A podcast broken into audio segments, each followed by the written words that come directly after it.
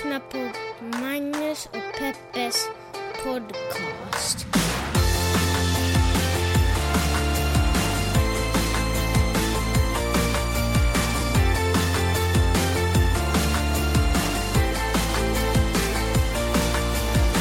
Hallå internet och hjärtligt välkomna ska ni känna er till podcasten som heter Magnus och Peppes podcast. En podcast där vi pratar om saker och ting som händer omkring i världen, stora och små händelser.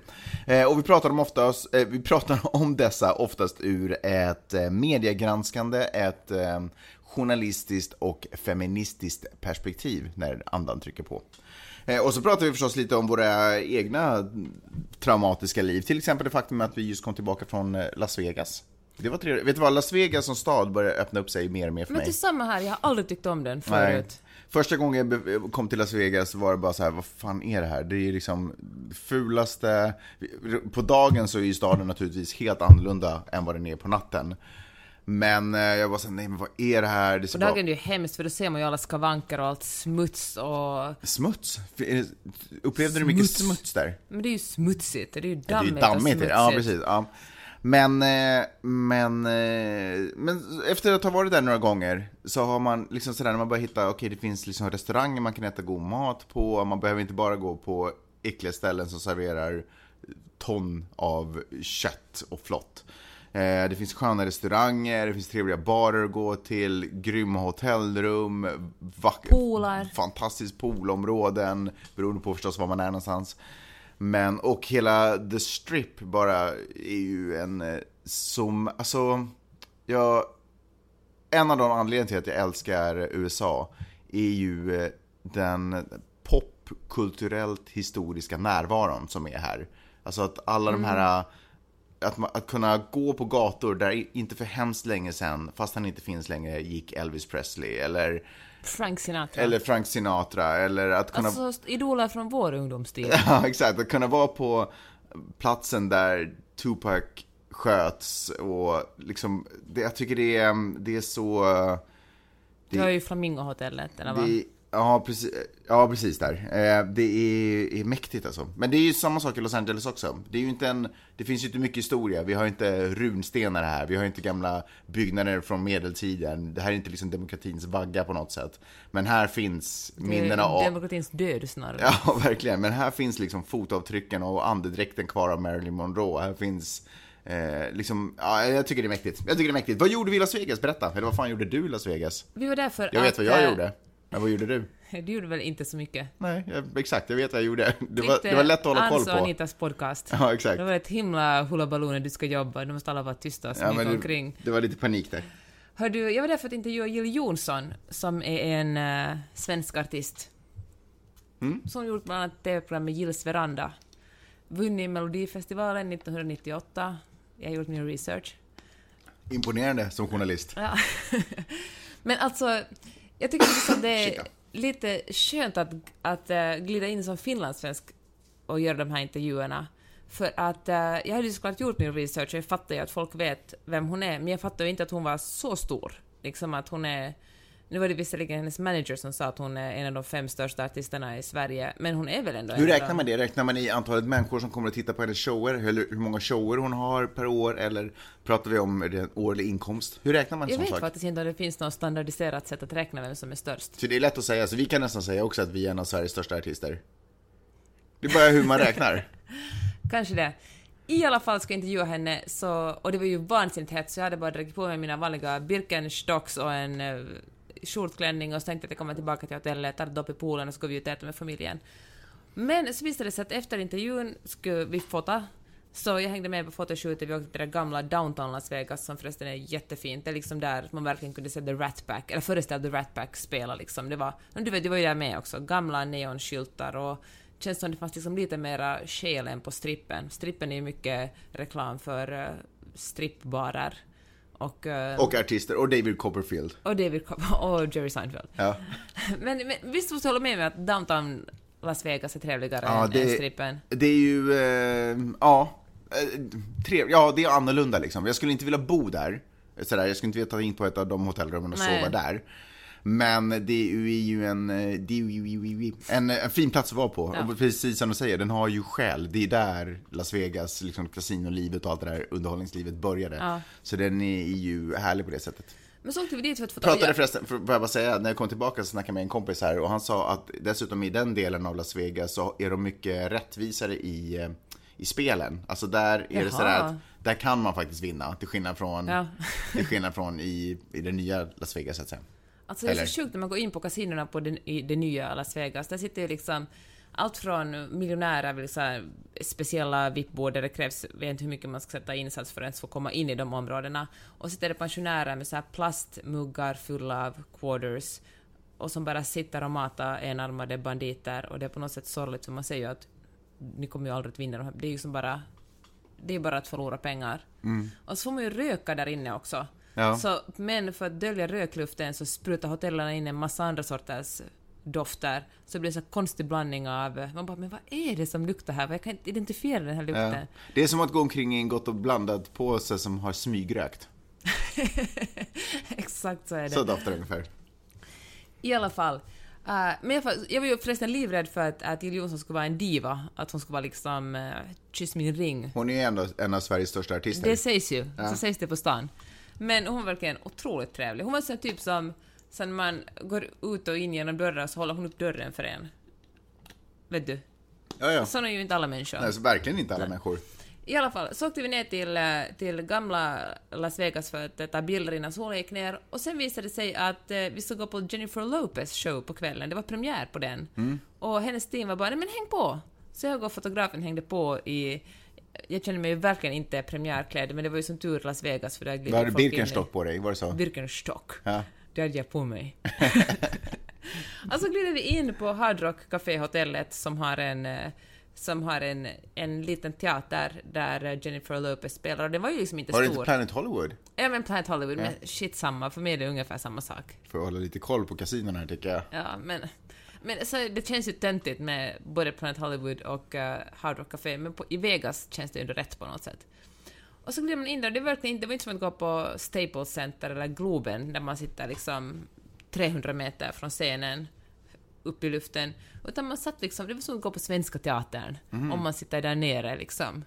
Och eh, så man satt där och man, det kändes nästan som att man sträckte sig lite extra långt kunde man klappa J Lo på axeln och säga hej hej, men det gjorde inget. Och eh, ja, men det var ju bara magiskt. Men, eh, och så gick jag omkring och kände mig lite så här, du vet när man är underklädd, man känner att alla andra är lite snyggare än en själv när man går så här, lite smutsigt hår. Jag har ingen relation till känslan aldrig alls. så. Nej. Men, eh, men jag tänkte bara, okej, rak i ryggen, på med mer läppstift och eh, nu kör vi. Och ingen bryr sig verkligen om hur jag ser ut. Ja, det var i alla fall alldeles magiskt. Sen, eh, jag hade tänkt... Hur var, hur var konserten då? Vad- Hur du, om du, nu har du ju chans också att vara en av de första som recenserar den här showen. Alltså den var ju otroligt bra. Nu måste jag säga J Lo börjar ju bli lite till åren också. Nej Hon, men hon, är, fy, det börjar hon ju verkligen inte. Vad är det där för visst det. obehaglig är åldersdiskriminering? närmare fe- duger bara i dina ögon när man är 24 va? Herregud, vilket varv. Jag sa inte att hon inte duger, jag sa att hon börjar bli lite till Vad åren. betyder det då? Ja, men hon är inte lika Du börjar bli lite till åren. Ja, det stämmer också. Hon Nej, är... det stämmer inte heller. Men, hon är inte lika ung som hon var när hon började dansa för eh, Janet Jackson, om vi säger så. Hon, börjar, hon är ju 50 i alla fall. Nå- Eller närmare 50. Nå nej, hon är 46-47 kanske. Ja. Nej men i alla fall. Men hur klarar hon det? Otroligt snygg! Och alltså i två timmar bara burnar hon på. Dansa, Ja. dansa, dansa, dansa, dansa. Så otroligt mycket. För det är ju tungt att stå där under strålkastare och i olika kläder och Ja. hålla på och dansa och säkert i, i Men stilettklackar. hon fixar ju det. Hon hade faktiskt både stilettklattar och klattar, klackar. Och så hade hon sneakers ibland, vilket... Wow. ja, Ja. men det gjorde ju en glad. Att hon också hoppade omkring i- recensera, Ja. berätta. Vad var det för låtar hon körde? Hon körde Jenny from the Block. Nu frågar du mig bara, jag ser på din min, du frågar mig för du... Du, jag vet att du inte vet ett skit. För du har bara researchat J Lo, du, eller på Jill Johnson. Jonsson. I alla fall, men hon körde jättemånga hittar och så körde hon liksom andra människors hittar också och det var liksom för varje, hon var sådär att okej nu kommer... Körde hon andra människors hittar också? Ja, hon körde till exempel en låt som hon, som kanske inte var hennes låt, som hon hade uppfört i den här, eh, det så Vidde kollar mycket på den här tecknade serien, äh, tecknade filmen Home, Mm. som han pratar mycket. Så hon sa, hon, hon hade ett jättefint prat där också, där hon sa att den här, hon ville bara vara med i en tecknad film för att hennes barn skulle uppskatta det hon gör. Mm. Och då så sjöng hon den jättefint. Och sen, eh, men men det som jag skulle säga, att hon, det var massa olika stilar liksom. Mm. Hon hade liksom, hon körde liksom en liten hiphop-stil, så körde hon en liten eh, soul-stil, lite mera poppigt och liksom, och scenshowen var ju så otroligt bra. Inte nog, liksom scenen bara, hon liksom, ibland sköts hon upp i luften och stod liksom i en fyra meter lång klänning, hon stod liksom alltså uppe på en stege under klänningen. Och sen ibland eh, dansa, vet du, dansade hon framför ett tåg som uppenbarligen rörde på sig, fast det inte rörde på sig, det var bara visuell teknik, Magnus. Ja, men det var i alla fall alltså, otroligt bra.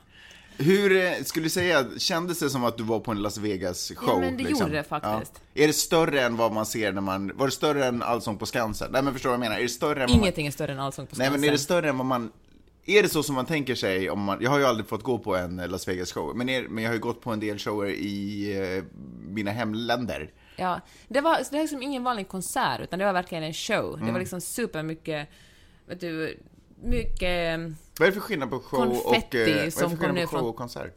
Men konsert tänker jag då liksom, de kan kanske gå in i varandra, men jag tänker att en, en, en show satsar man lika mycket på det kring, liksom, kring artisten. Det är inte så att hon sitter med sin gitarr på en pall mitt på scenen och spelar, utan det här är verkligen det stora paketet med mycket video och ljus och uh, ibland dansar hon så här liksom 30-tals uh, utklädnader och herregud så är det dåligt att förklara. Men det var i alla fall Det är en bra superbra. egenskap som journalist. Och podcastare. Ja. Men, och det roliga var det liksom att hon hade ju ett litet team med sig också. Men någon som, eh, det var liksom hennes... eh, Entourage. Ja men hennes entourage. Det var Turtle, det var eh, Johnny Drama, nej, Eric. Men alltså henne, faktiskt hennes Eric var där till exempel. Hennes manager som ordnade allting. Supertrevlig person, bara fixa och, och liksom var trevlig och så till att allt fungerar bra. Så var hennes eh, kreativa producent och regissör, han såg, hon skulle sätta upp en stor scenshow i Göteborg i höst, det var därför hon var där, för att liksom bli inspirerad. Så trevlig! Och han var sådär, ja, ja, jag var här förra veckan också och så Britney Spears, sa den här eh, Micke hette han. En annan killen som börjar bli lite till åren. Nej men herregud, nu får du sluta. Och så var han sådär att förresten, uh, Britney Spears trummis Johan är ju svensk, honom borde du intervjua. Nå, klart jag borde intervjua honom. Så nu satt den här Micke ihop med, med Johan Svensson som kom från Skåne och, och är trummis för Britney Spears. Helt otroligt. Coolt. Micke sa också att han hade varit på, vi är alltså Micke och Peppe med varandra nu. Ja, jag förstår. Micke sa att Och han- vi är dessutom kvart in i podcasten. Vänta, jag säger snabbt bara det här. Ja. Micke sa att han hade varit på liksom, backstage sen efter Britney show och så frågade jag mig hur var hon? Då var hon supertrevlig. Och han var sådär att, ja hon var ju nog, men hon var ju faktiskt, det var, det var något som fattades i henne. Hon var lite död inuti, sa han. Det var ju hemskt sagt. Men jag tänker att Britney, hon har haft ett hårt liv. Tycker hon snart ska hon få pensionera sig och bara njuta av sina Det borde pengar. hon ju kunna nu, tycker jag. Du tycker att hon är så till åren? Nej, men alltså jag menar ekonomiskt så borde hon ju kunna luta Ja. sig tillbaka. Hon kanske ändå Men- någonstans älskar att framträda. Och så tänkte jag sådär att hon kanske gör uppträda. som alla andra, alla som bor i LA lever ungefär 10% över sina tillgångar. Det är säkert Britney också, och då känner hon att hon måste jobba för att kunna försörja Det det. kan nog vara. Det, det stämmer säkert. Ja, jag ska vi börja den här podden nu då? Eh, det finns inget intresse av vad jag gjorde i Las Vegas under tiden. Ja, du klippte Lille Lördag. Nej, jag, ja, hela, i tre dagar satt jag och klippte Lille Lördag. Nej, men vad gjorde du då? Jag tog hand om barnen eh, och körde runt dig och så tog hand om markservicen kan man säga. Man kan säga att jag fungerade som din, din obetalda manager. Ja, ja nu, du får ju betalt faktiskt, Magnus. Hur då? Ja, i I sig, jag, pengar. jag får vara i Las Vegas. Eh, och, och med det sagt så vill jag ju säga att det är en stad som man faktiskt kan ta barn till. Eh, det är förstås att då är det ju ett annat Las Vegas man till största delen upplever, men det går alldeles ypperligt. Och om ni behöver en rekommendation så kommer den här, Mandalay Bay, det hotellet. Magiskt hotell. Eller gå in på min blogg där jag listar de nio bästa sakerna man ska göra i Las Vegas. Bra! Viva Las Vegas! Precis hade orkanen Harvey lämnat Houston, Texas när nästa orkan glider in över USAs östkust, nämligen eh, orkanen Irma, eller Irma. Eh, och den här orkanen, alltså jag, sällan hör man ju reportrar och nyhetskanaler vara så måna om att få ut budskapet att lyssna på varningarna som, som kommer, nämligen evakuera områdena. Den här orkanen är, det är svårt att få det, det är för mig personligen, jag vet inte hur det är för dig, som- för dig som lyssnar på det här, men för mig är det svårt att få en förståelse, få en uppfattning över hur stor en orkan egentligen är. Alltså jag ser bilder där jag ser att den täcker stora delar av Florida, men helt ärligt, jag har svårt att förstå hur stort Florida är också, för jag har ingen egentlig relation. Det enda, det enda liksom jag har när, när det kommer till liksom att förstå effekten som orkaner har, det är att man ser bilder efter på platser som är under vatten eller tak som har flugit av eller man får rapporter om människor som har dött, men, men ändå. Och då måste jag säga att eh, Aftonbladet har gjort en ganska rolig grej. Ser man på. Ja, eh, nämligen, de har, eh, man kan klicka på sitt eget land var man vill och så när man klickar så puff, poppar orkanen upp där så man får en, eh, en känsla av hur stor den är. Så jag klickade på Finland och då ser man att den här orkanen täcker nästan hela Finland. Så gott som hela Finland. Du har delar av Lappland som, inte, som fortfarande klarar sig. Men om man, om man liksom sätter orkanens öga, så att säga, i naven på den finska damen, så då... då Sätter den i Rovaniemi ungefär. Ja, då ser, man, då ser man armen och huvudet. Sen är resten i orkan. Alltså fatta den storleken! Det är ju helt sjukt i huvudet. Eh, jag ska göra samma sak på Sverige. Jag ska klicka på Stockholm. Och då... då Hej då Skåne, hej då.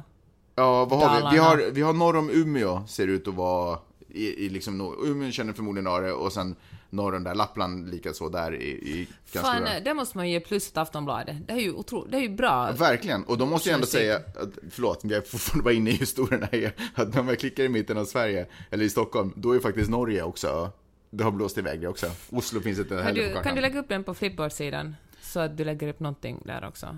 Okej, jag gör det nu. Nej men, det- otroligt bra, så här gillar man ju. Ja, nu sa att det var bra journalistik. Skulle du säga att det är bra journalistik? Visst är det bra? Det är ett jättebra Ja, men är sätt att tydliggöra Ja, verkligen. någonting som händer. Sätta saker och ting i, sin, i proportion. Ja, precis. Eh, Hör du, det som är så här tragikomiskt är att det finns en, eh, inte bara, det är en, en radioprofil som heter Rush Limbo.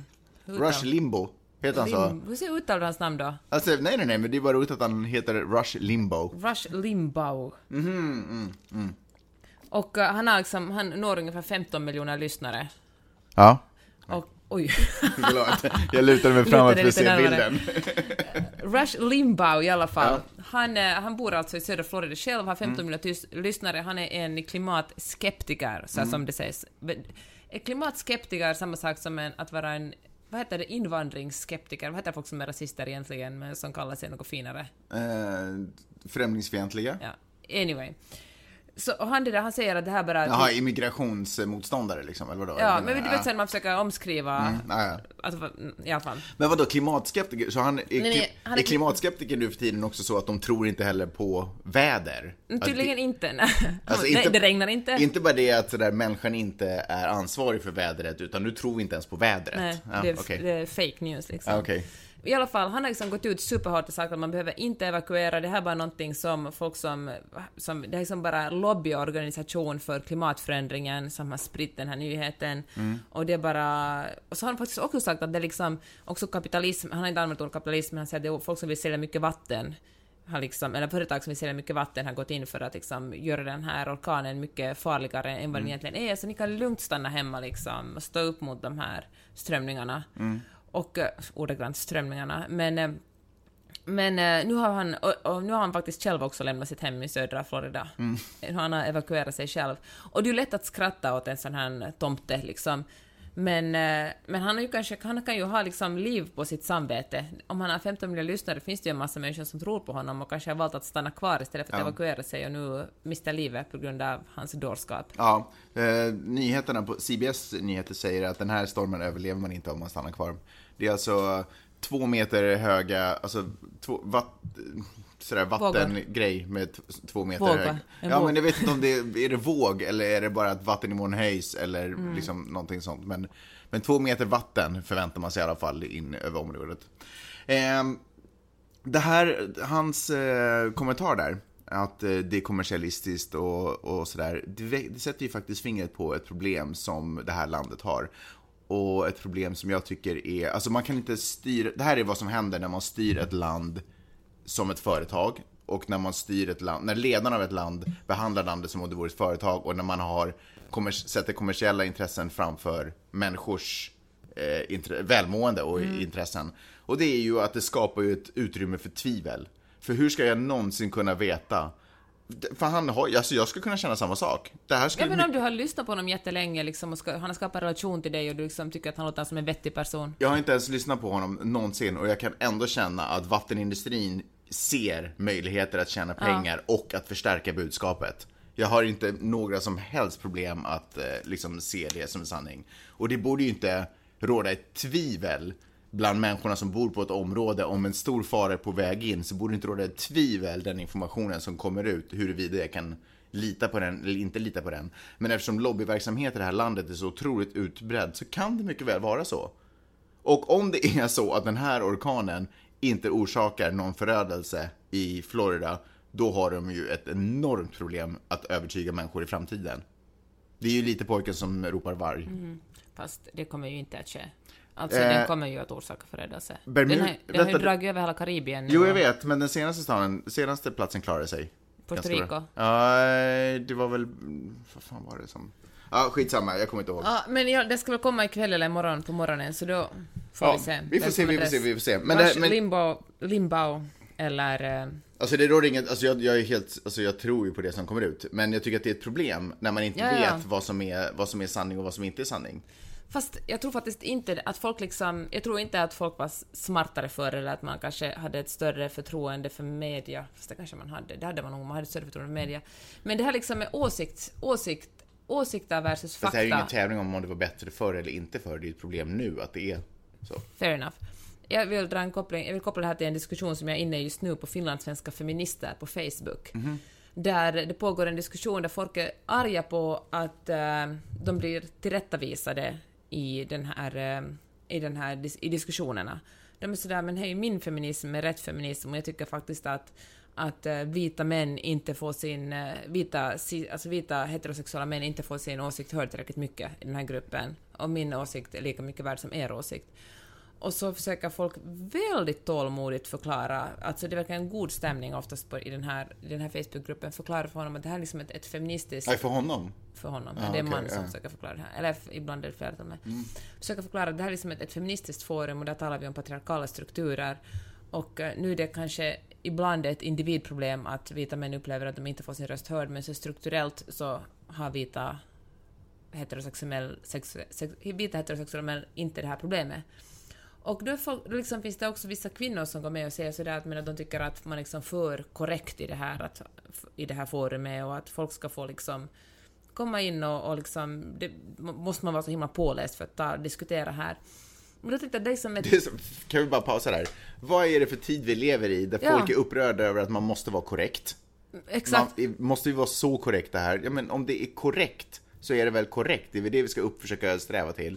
Och varför måste man vara så påläst när man ska in i en diskussion? Nej, men, vad är det för nackdel att vara påläst i någonting? Liksom? Ja men, ja men precis, men det, det Om du vill ventilera saker, ventilera saker någon annanstans, men kan det inte få finnas forum? Det är som att folk skulle glida in i, ehm, i ehm, Svenska Akademin och sen helt plötsligt bara har random åsikter och tycker att ens egna åsikter också borde räknas på vad, vilka Eller på en läkarkonferens, man glider in där och säger att Ja. nu tycker jag faktiskt att man bra kan Det är ett forum för specialintresserade och specialinsatta. Sen är ju alla välkomna och då tänker jag, det kommer ju bra att glida in där. Hej, jag är intresserad av feminism, jag känner att eh, kvinnor och män och uh, liksom HBTQI-personer inte blir behandlade på samma sätt i den kulturen vi lever i. Hur kan jag lära mig mer om det här? Jag går in i det här forumet och så kan man ju liksom ställa frågor och Precis, lära och vad är det för fel att bara gå in och lyssna och lära sig? Ta del av vad som finns, bilda sin egen åsikt, hålla sin åsikt och tycka vad man vill. Men liksom gå in och bara, det är fantastiskt, ö- ö, en fantastisk möjlighet att få studera och lära sig saker och ting. Då, dock måste jag säga att, att eh, en av admin, eller alla administratörer, jag vet inte hur många det är med på den här sidan, men en av dem heter Linnea Portino, hon är så otroligt bra. Hon är så, o, så bra. Hon liksom glider in och alltid med vänlig röst förklarar väldigt pedagogiskt och sakligt och dessutom vänligt och framförallt tålmodigt varför hon har tagit bort en kommentar eller varför hon vill avsluta en diskussion eller ja, säg. Kan du bara förklara, vad har det här med eh, orkanen eh, Nej, men jag tänkte, jag tänkte det här med, med åsikter vers- versus fakta. Mm. Att när det kommer, det sitter en, en människa i Florida och har ett jättestort radioprogram där, hans, där han säger att hans åsikt är att, att eh, klimatförändringen inte liksom, det finns ingenting som, som sånt, utan, eller hans åsikt är att den här orkanen inte är farlig, utan det är bara att hitta på. Medan meteorologer, så? Meteorologer. Meteorolo- meteorolog. Men folk som jobbar med väder. Mm. folk som är utbildade i klimat och väder säger att nu kommer det att komma en jättefarlig orkan som kommer att dra över. Och så är hans åsikt väger lika mycket som radiopratare mot, mot eh, folk som är, är utbildade inom det här området som säger att det är farligt. Och då tänker jag att det är liksom, nu kanske inte exakt samma sak, men lite liknande sak när folk som verkligen inte har bemödat sig att öppna en enda bok om feminism tycker att deras magkänsla och åsikt ska vara lika viktig i det här forumet som folk som verkligen är pålästa och intresserade och vill föra liksom en, en vettig diskussion. Med det sagt så tycker jag att det faktiskt också är ett sundhetstecken att det bor en tvivlare in, inom en. Att, det inte, att man inte köper allting, eller att man inte köper någonting med hull och hår.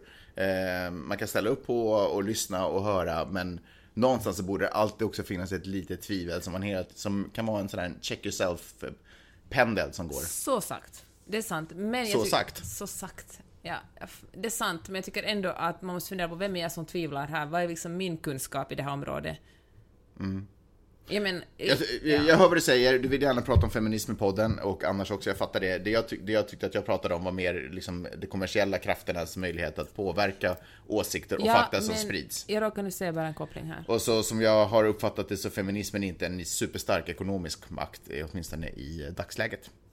Tack för mig. Donald Trump, USAs president, har blivit anklagad för mycket, men eh, nu, blir, eh, nu är det allt fler som anklagar honom för att vara rasist och till och med för en, en eh, rasistisk agenda. Och, eh, och det är ju inte helt, helt eh, famlat ur luften eftersom om man tittar på vad han har gjort.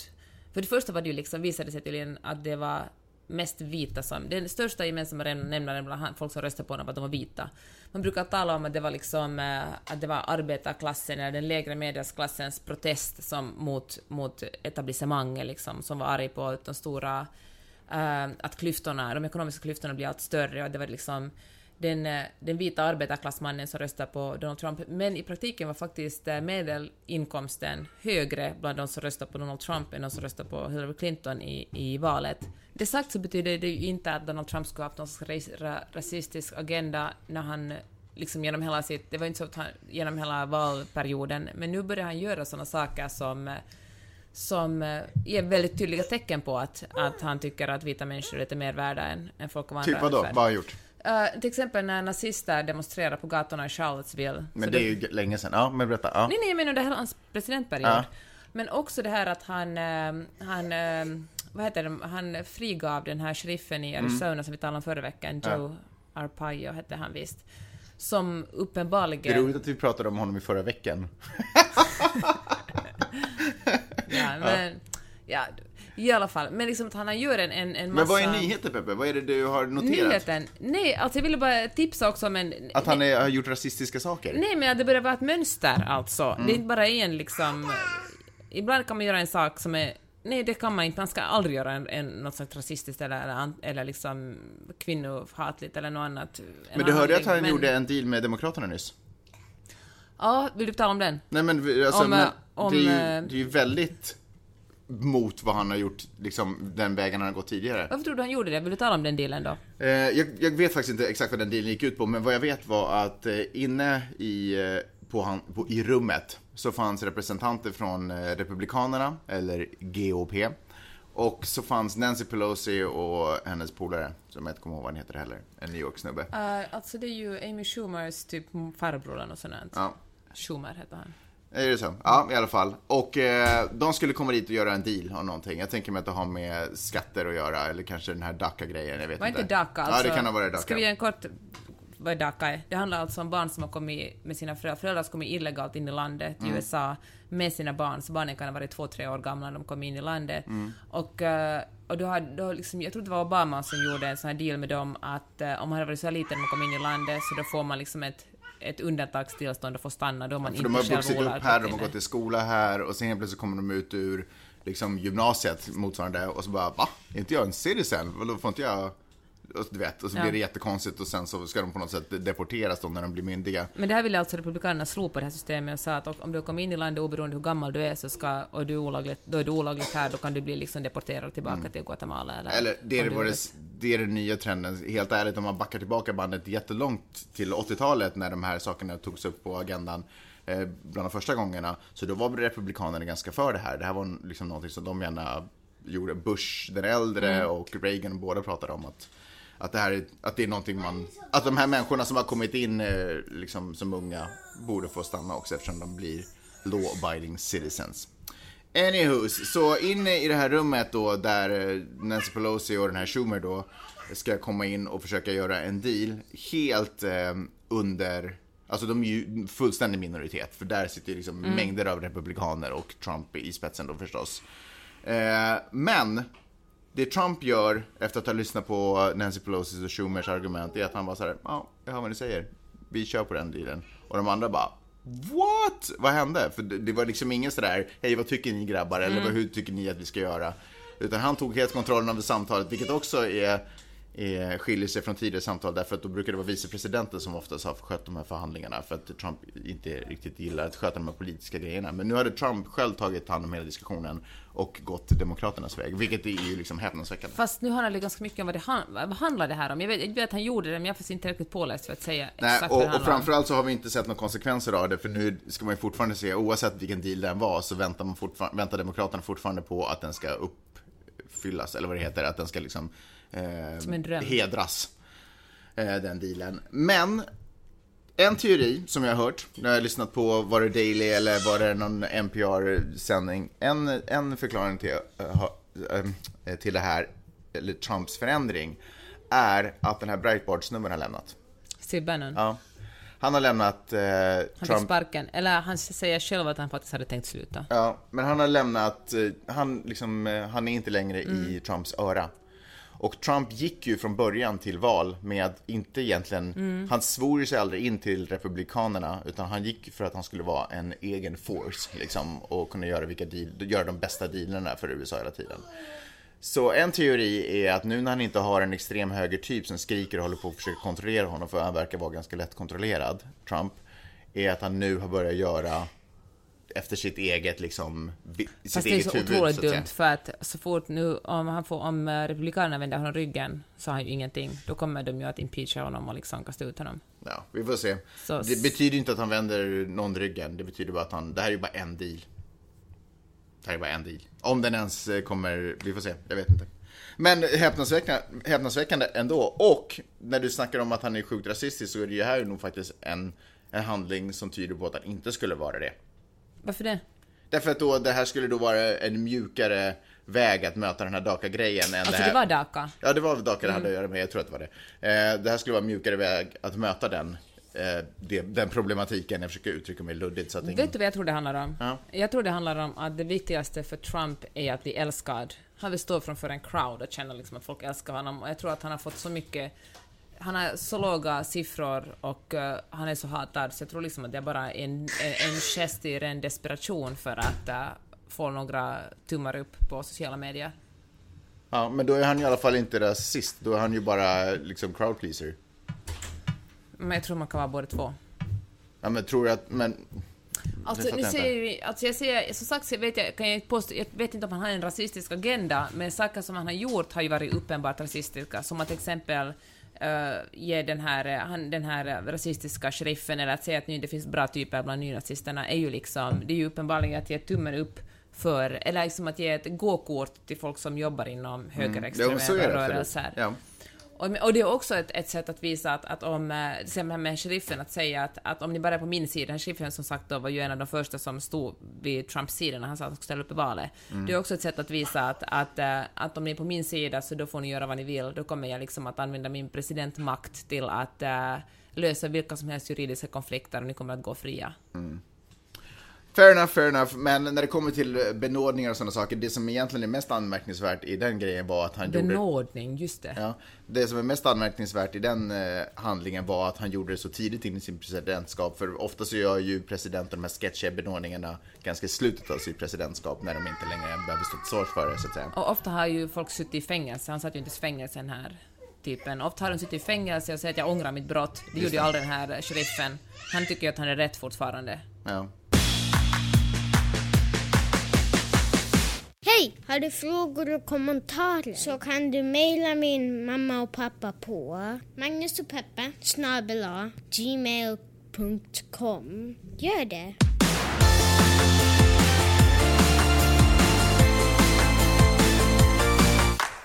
Magnus och peppesnabel.gmail.com är dit ni kan skicka in saker och ting eh, som eh, ni tycker och tänker när ni lyssnar på vår podcast. Till exempel, vad snackar de om för skit? Det hade ju ingenting alls med DACA att göra, det där eh, mötet som Nancy Pelosi och Mr Schumer var inne på. Det hade faktiskt att göra med att Nancy Pelosi och Schumer ville att man skulle höja skuld, det federala skuldtaket.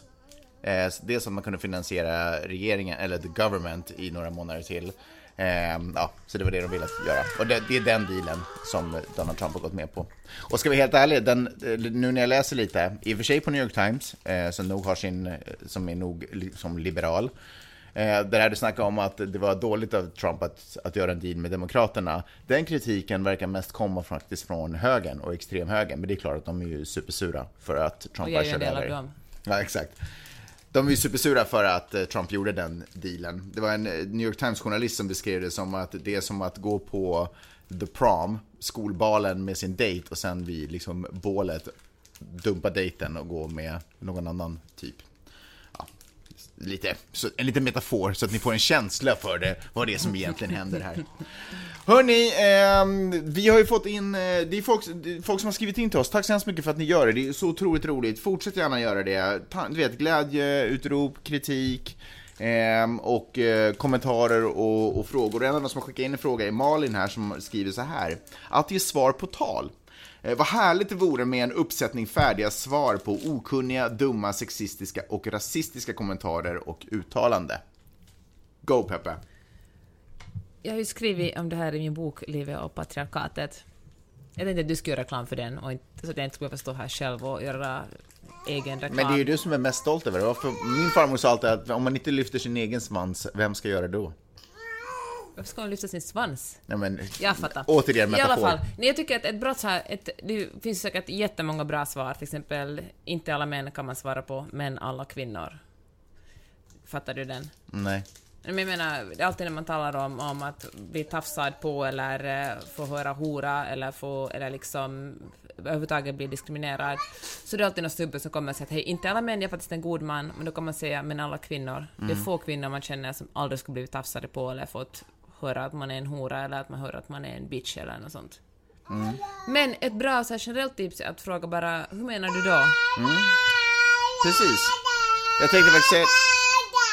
Tack för sången. Jag tänkte precis säga det, därför att komma tillbaka med punchlines, det tror inte jag varken... Det uppmuntrar inte till diskussion och det uppmuntrar inte ens den eh, andra personen att förstå vad det var som just hände. Men att öppna upp för en diskussion, lugnt och sansat bara, men vänta, hur menar du där? Varför, varför, hur tänker du då? Och sen våga kanske också säga när man inte håller med. Jag hade träffat en, en supertrevlig person för, förra veckan som började tala om omvänd rasism. Mm. Hon hade blivit utsatt för omvänd rasism för att hon var vit i, nere i södra USA. Och det var så att, oh, nej, säg inte så, jag vill inte att du ska säga, jag vill inte, jag vill inte föra den här diskussionen, jag vill liksom inte... Tänkte du? Tänkte jag, men... Ja. Så jag sa Skulle vara roligt om du hade sagt det. Men så vet jag inte, så var hon smart nog att se på min min att det var kanske inte helt okej, okay. så hon sådär, eller kanske man inte kan säga så, och det var så att, ja, nej, så kan man faktiskt inte säga. Det finns ingenting som omvänd rasism. Du har inte blivit utsatt för rasism för att eh, någon i södra vet du, USA som har antagligen jobbat för vita människor hela dagen och kommer att handla mat, inte orkar flytta sig. Sa du på det där sättet? Du har en sån, din ton blir alltid så att du börjar läxa upp folk. Alltså man kanske inte kan säga så, börjar hon lite sådär mjukt och bara snälla hjälp mig här lite, du som verkar ha koll på det här. Ja, nej, så kan man faktiskt inte säga. Ja, jag är en otrevlig person. Kan man inte, kan man inte vara lite sådär mjukare? Bara, ja, men jag, jag Nej, tror... men jag sa det mjukare, jag försöker bara spela tuff under ah, podcasten. Okay, okay, Jag sa det på ett snällt sätt. Ja. Men, eh, men jag tycker ändå det är viktigt att man säger sådana saker. Alltså, om någon kommer med något galet uttryck, galet, liksom säger någonting så här att, att uh, vita män blir faktiskt också diskriminerade.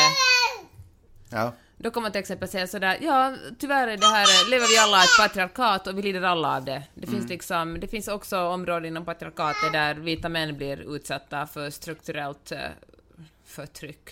Finns det verkligen mm. det? Nej men till exempel så här, det finns en viss mansroll där män, ska, män får inte gråta, män får, ska helst inte tala om känslor, män ska vara på ett visst sätt. Och det är ju liksom, eftersom alla män inte stöpta i samma form så tvingas man in i en väldigt snäv snäv roll. Eller en uppfattning om att det är bara kvinnor som kan ta hand om barn. Och eh, då kan man säga att det finns säkert många situationer där män i vårdnadstvister till exempel diskrimineras eftersom man automatiskt tycker att mamma är den bästa. Oftast är säkert mamma den bästa föräldern eftersom, vi, eftersom patriarkatet som lär in kvinnor att ta hand om barn på ett annat sätt än män. Men du fattar. Jag fattar mycket väl. Eh, bra, jag hoppas att eh, det där var lite, lite någonting att smutta på. Och tack så hemskt mycket för att ni skickade in frågor. Det är ju väldigt roligt att få svara på dem om vi kan svara på dem. Generationen som är född efter 95 kallas för iGen. Visste du det? Nej, jag tror det var generation Z eller något sånt. Ja. Eh, det, är inte, det är inte hugget i sten det här Peppe. Om du vill kalla dem för generation Z så får du göra det. Det viktiga är att vi vet vad vi pratar om. Det är ju det som är poängen med ord. Det är därför det är så viktigt att man lär sig läsa, att man lär sig respektera ords ordentliga betydelse. Sen kan de ju naturligtvis eh, ändras med tiden. Men eh, det här skapar ju också ibland friktion generationer emellan därför att vissa vill använda ordet på ett specifikt ord på ett sätt och andra människor på ett annat sätt. Men det är viktigt att vi förstår vad vi pratar om. Så eh, tillbaka till det jag skulle prata om. Du säger generation Z. Och jag, hur, vad händer sen med nästa? För nu förstår jag att man har gått från liksom X, Y och Z. Men Sen sen, tar man till skandinaviska tecken. alltså de i USA bara generation O. Ä, ä, uh, uh. Ja, eh, för det går inte att säga de bokstäverna normalt i det här landet av någon underlig anledning. Det finns en eh, psykolog som heter eh, Jean Twenge. Hon har skrivit en bok. Hon har studerat det här med generationer i ungefär 25 år. Eh, Allt det här hörde jag på en fantastisk podcast som ni kan gå in och lyssna på som heter Magnus och Peppes podcast. Nej, jag skojar bara. Som heter A, nej, 1A. Jag har faktiskt också hört den här intervjun. Så otroligt Faktiskt. intressant. Den här, eh, den, det som gör den här generationen som är född efter 95 eh, runt om åren unik i världshistorien är att de här, det är den första generationen som är uppvuxna med sociala medier. Och det kanske tycks som att ja, men alla generationer är uppvuxna med någon form av teknik, men sociala medier är en av de få saker som har adapterats så otroligt snabbt av eh, av liksom, eh, av befolk, eller liksom av världsmedborgarna, eller vad jag ska säga. Eh, och- som, gör den, som gör den lite speciell, därför att vi kan, inte, vi kan inte riktigt följa en utveckling till vad som ledde upp till, utan det är bara, en morgon vaknade vi upp och så fanns sociala medier och alla var på det. Liksom. Så det som är intressant är, det, det hon har försökt fokusera på, det är att titta på hur, eh, hur mår generationen? Vad tycker generationen? Hur är den här generationen? Helt enkelt, liksom, eh, eh, ö- objektivt försökt studera den. Hon har kommit fram till att det här är en otroligt trygg generation, det vill säga de hamnar, de hamnar sällan i bilolyckor, de, eh, de, de, de, det är inget våld på stadens gator, de dör, de mördas inte och de dödar inte andra människor, de dricker inte lika mycket, de har inte lika mycket sex. Eh, tonårsgraviditeter har gått otroligt mycket ner med den här generationen. Eh, men det de har är, är att de inte alltför sällan lider av depression. Och om man tittar på amerikanska ungdomar, nu är de här ju då alltså som äldst ungefär 22 år gamla. Eh, och om man tittar på amerikanska ungdomar så har självmordsstatistiken bland den här generationen också gått upp eh, tydligen liksom dramatiskt. På arbetsplatser så är de eh, liksom hårt arbetande, roligt, och har en ganska realistisk bild av vad, vad de är kapabla att presentera, vilket ju inte är någonting man, som man beskrev vår generation. Millennials. Ja, millennials som är liksom helt tvärtom. Bara Glenn vill bli chef här. fullständigt orealistisk. Det var så roligt för när hon sa det här så, så han som intervjuade var så här. "Eh, Vad sa du? Realistisk? Jaha, okej. Du vet, helt, var det, var det konstigaste jag hört. Men det är som sagt en annan generation det här. Eh, Det hon gör är ju att hon förklarar de problemen som den här generationen har, till exempel just depression då och och självmord och sådär, med att de befinner sig på sociala medier. Vad tänker du om det? Kan sociala medier, användandet av sociala medier, led, kan det leda till, liksom, leder det till, det, blir man deprimerad? Fan, det är svårt att... eh, Jag är ju verkligen inte läkare, så jag kan, borde ju inte alls uttala mig den här frågan. Men ur en eh, lekmans perspektiv så tycker jag nog... Man är ju lyckligare om man inte är på sociala medier. Alltså pausar man från Facebook redan i några dagar känner man sig lättare om hjärtat. Och, Det har faktiskt gjort sådana undersökningar. Hon refererar till några av dem faktiskt, där, hon, där man hade tagit bort Facebook och sociala medier från en, eller liksom ett visst antal personer och de upplevde faktiskt sig lyckligare. man tycker ju mer om sina medmänniskor när man inte är på Facebook. Jag tycker faktiskt Facebook är den vidrigaste av dem alla. Ja, jag är som kanske- lättare för Instagram. Sen är Ja. jag ju en, en stor socia, alltså social media-älskare. Jag älskar sociala medier. Ja. Men ändå kan jag känna det här att när jag pausar en stund är jag lyckligare. Mm. Igår till exempel... Nej, vet du vad jag tänkte berätta just? Nej. Jag tänkte berätta att jag tog en paus i 20 minuter. jag satte timern på 20 minuter. 20 minuter? Nej, men jag tänkte så, det jag är läste ingenting. att, att när man ska skriva någonting, jag höll på att skriva ut den här Jill Johnson-artikeln, börja på den, så jag sa att okej, nu jobbar jag i 20 minuters pass. Mm. Nu får jag inte kolla på, men det var verkligen ingen bra jämförelse. För, alltså, jag menar ju men alltså, jag menar att det är bra att, för, för det finns förresten på Flipboard en antext som handlar om hur, hur sociala medier pockar på vår uppmärksamhet hela tiden, och det var just därför jag liksom satt på den timern och sa att för att kunna skriva så behöver jag liksom, jag liksom inte gå in och kolla, bara för att jag blir uttråkad av min egen text får jag liksom inte gå och pausa och gå och kolla. Nej. Men eh, det har ju ingenting med saken att göra, men det sagt, nej jag tror, jag tror att det stämmer, jag tror att hennes teori stämmer, att, man, att den generationen är deprimerad just på grund av sociala medier. Får jag bara flika in, jag säger inte att det är osant, och jag är ju absolut ingen forskare i det här, men eh, jag säger inte att det är osant. Men får jag bara flika in en annan tanke? Därför att vi är ju... Alltså hon, hon, hon drog slutsatsen så här, hon fick nämligen frågan sådär, är, är det så att du bara gnäller, du förstår inte, du är inte uppvuxen med sociala medier, alltså är det här svårt och nytt, alltså skyller du det svåra och nya på de negativa saker som händer i världen.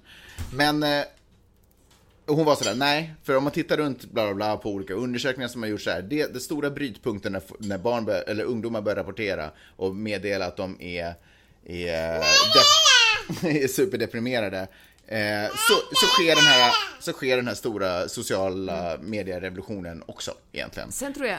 Fast, Fast jag hann ju inte säga det jag skulle Förlåt. säga. Det jag skulle säga var, hon sa sådär, men så hon kan inte liksom bortse, nej förlåt jag hade ju faktiskt sagt hon kan inte bortse ifrån eh, att, att det händer samtidigt. Du ville bara tala vidare. Nej.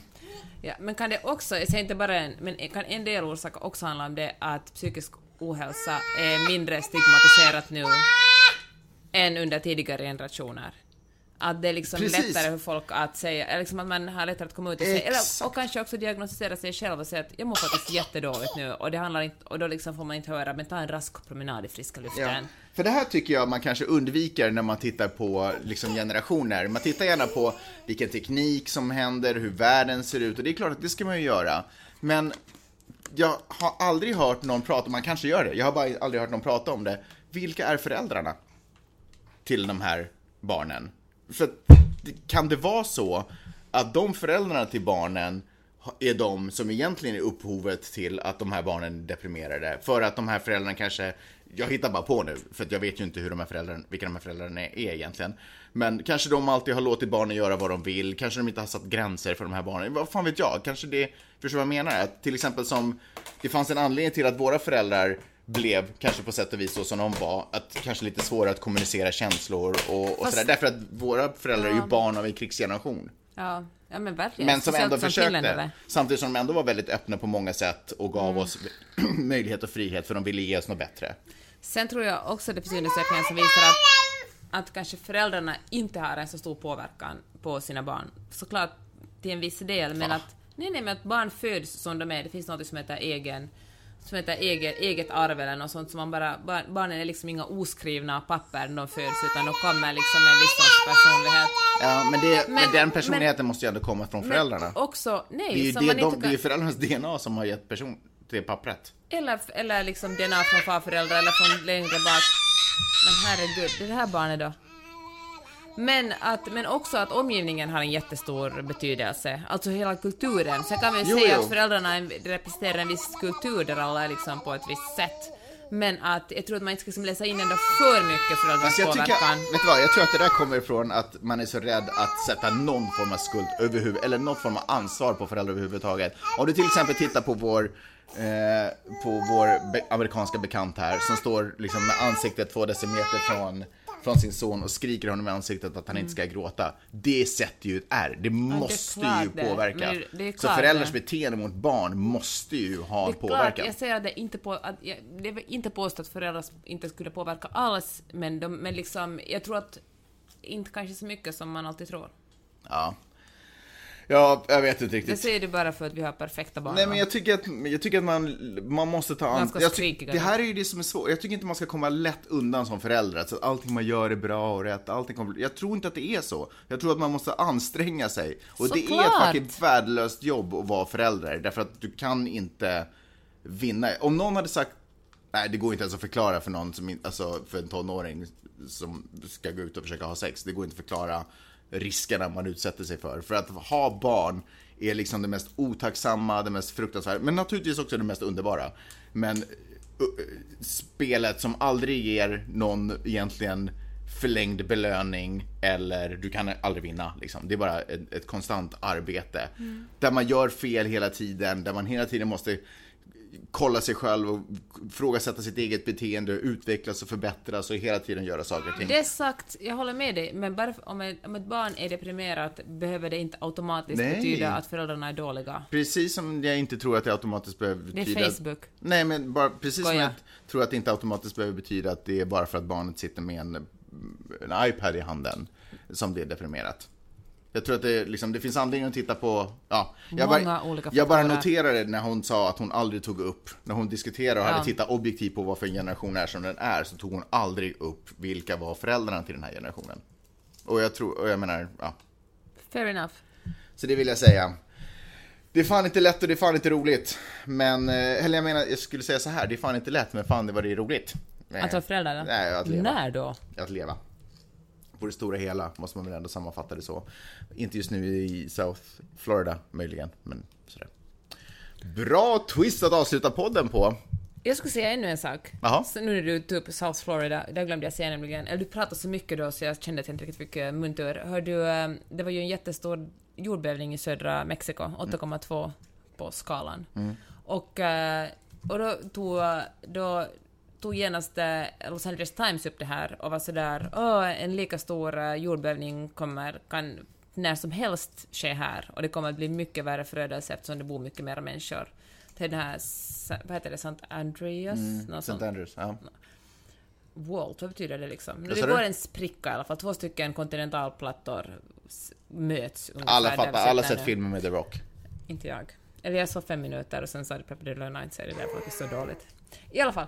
Men eh, uh, då tänker jag så här, okay, det är ju liksom, det är ju faktiskt bara clickbait som Los Angeles Times gör när de skriver om jordbävningen. För man kan inte låta bli att trycka, för, trycka på länken för man vet att det handlar om en, men ändå kan de inte komma med någonting nytt, för de gör det ungefär varje gång det sker en jordbävning eller så med jämna mellanrum, typ en gång i månaden, så gör de en jättestor grej om jordbävning. Och då bor man liksom i södra Kalifornien, eller fan Kalifornien överhuvudtaget, så kan man inte låta bli att trycka på den för att... Och då får man aldrig någon ny information. Då står det bara du kommer att dö. Bra eller dålig journalistik? Det är jäkligt dålig. Alltså jag tycker inte... Alltså de, de, Fast samtidigt så tål det ju att påminna folk. Nu är ju du lite till åren kommen, men det finns ju nya läsare som hela tiden kommer in. Det tål att upprepas. alltså den här åldersdiskrimineringen, du bär verkligen med dig genom hela podcasten. Hörni, tack så hemskt mycket för att ni lyssnade den här veckan. Eh, vi kommer tillbaka om några dagar igen. Eh, på måndag tänker jag att vi är tillbaka igen vi. med en ny podcast. Eh, och det är ju så att den här podcasten inte är gratis. Gå in och betala, ni gör det på janetteohman.com. Ska göra om betalningssystemet lite där, men än så länge så går ni in och betalar 86 cent per avsnitt. Och då får ni betala för hur många avsnitt som helst, eller så kan ni prenumerera för bara typ 2,80. Alltså va? Det är, ju, är det typ 20 kronor max. Jag vill tacka Natasha som köpte... Hur många avsnitt köpte hon? Hon köpte 100 avsnitt. Tusen tack för det. Supertack. Eh, och är det så att man inte har råd, man kanske just nu befinner sig i någon form av eh, katastrof i livet och man inte har råd att betala, gå in och sprid informationen om det här podden då. Berätta för era kompisar att de måste gå in och lyssna. Säg så här, får jag låna din telefon? Och så lånar ni telefonen och så, så sätter ni igång den telefonen att börja prenumerera på vår podd i smyg så att den kompisen får en, en glad överraskning när den sätter på sina poddar. Kan man till Ja. exempel göra. Jag ska med reklam på Insta-stories med en länk till, till WeCast eller iTunes eller något annat ställe där vår podcast finns. Precis. Hörni, ha en jättetrevlig helg och så hörs vi eh, snart igen. Och jag ber om ursäkt för uh, mattan av barnskrik i bakgrunden. Hej då! Hej då!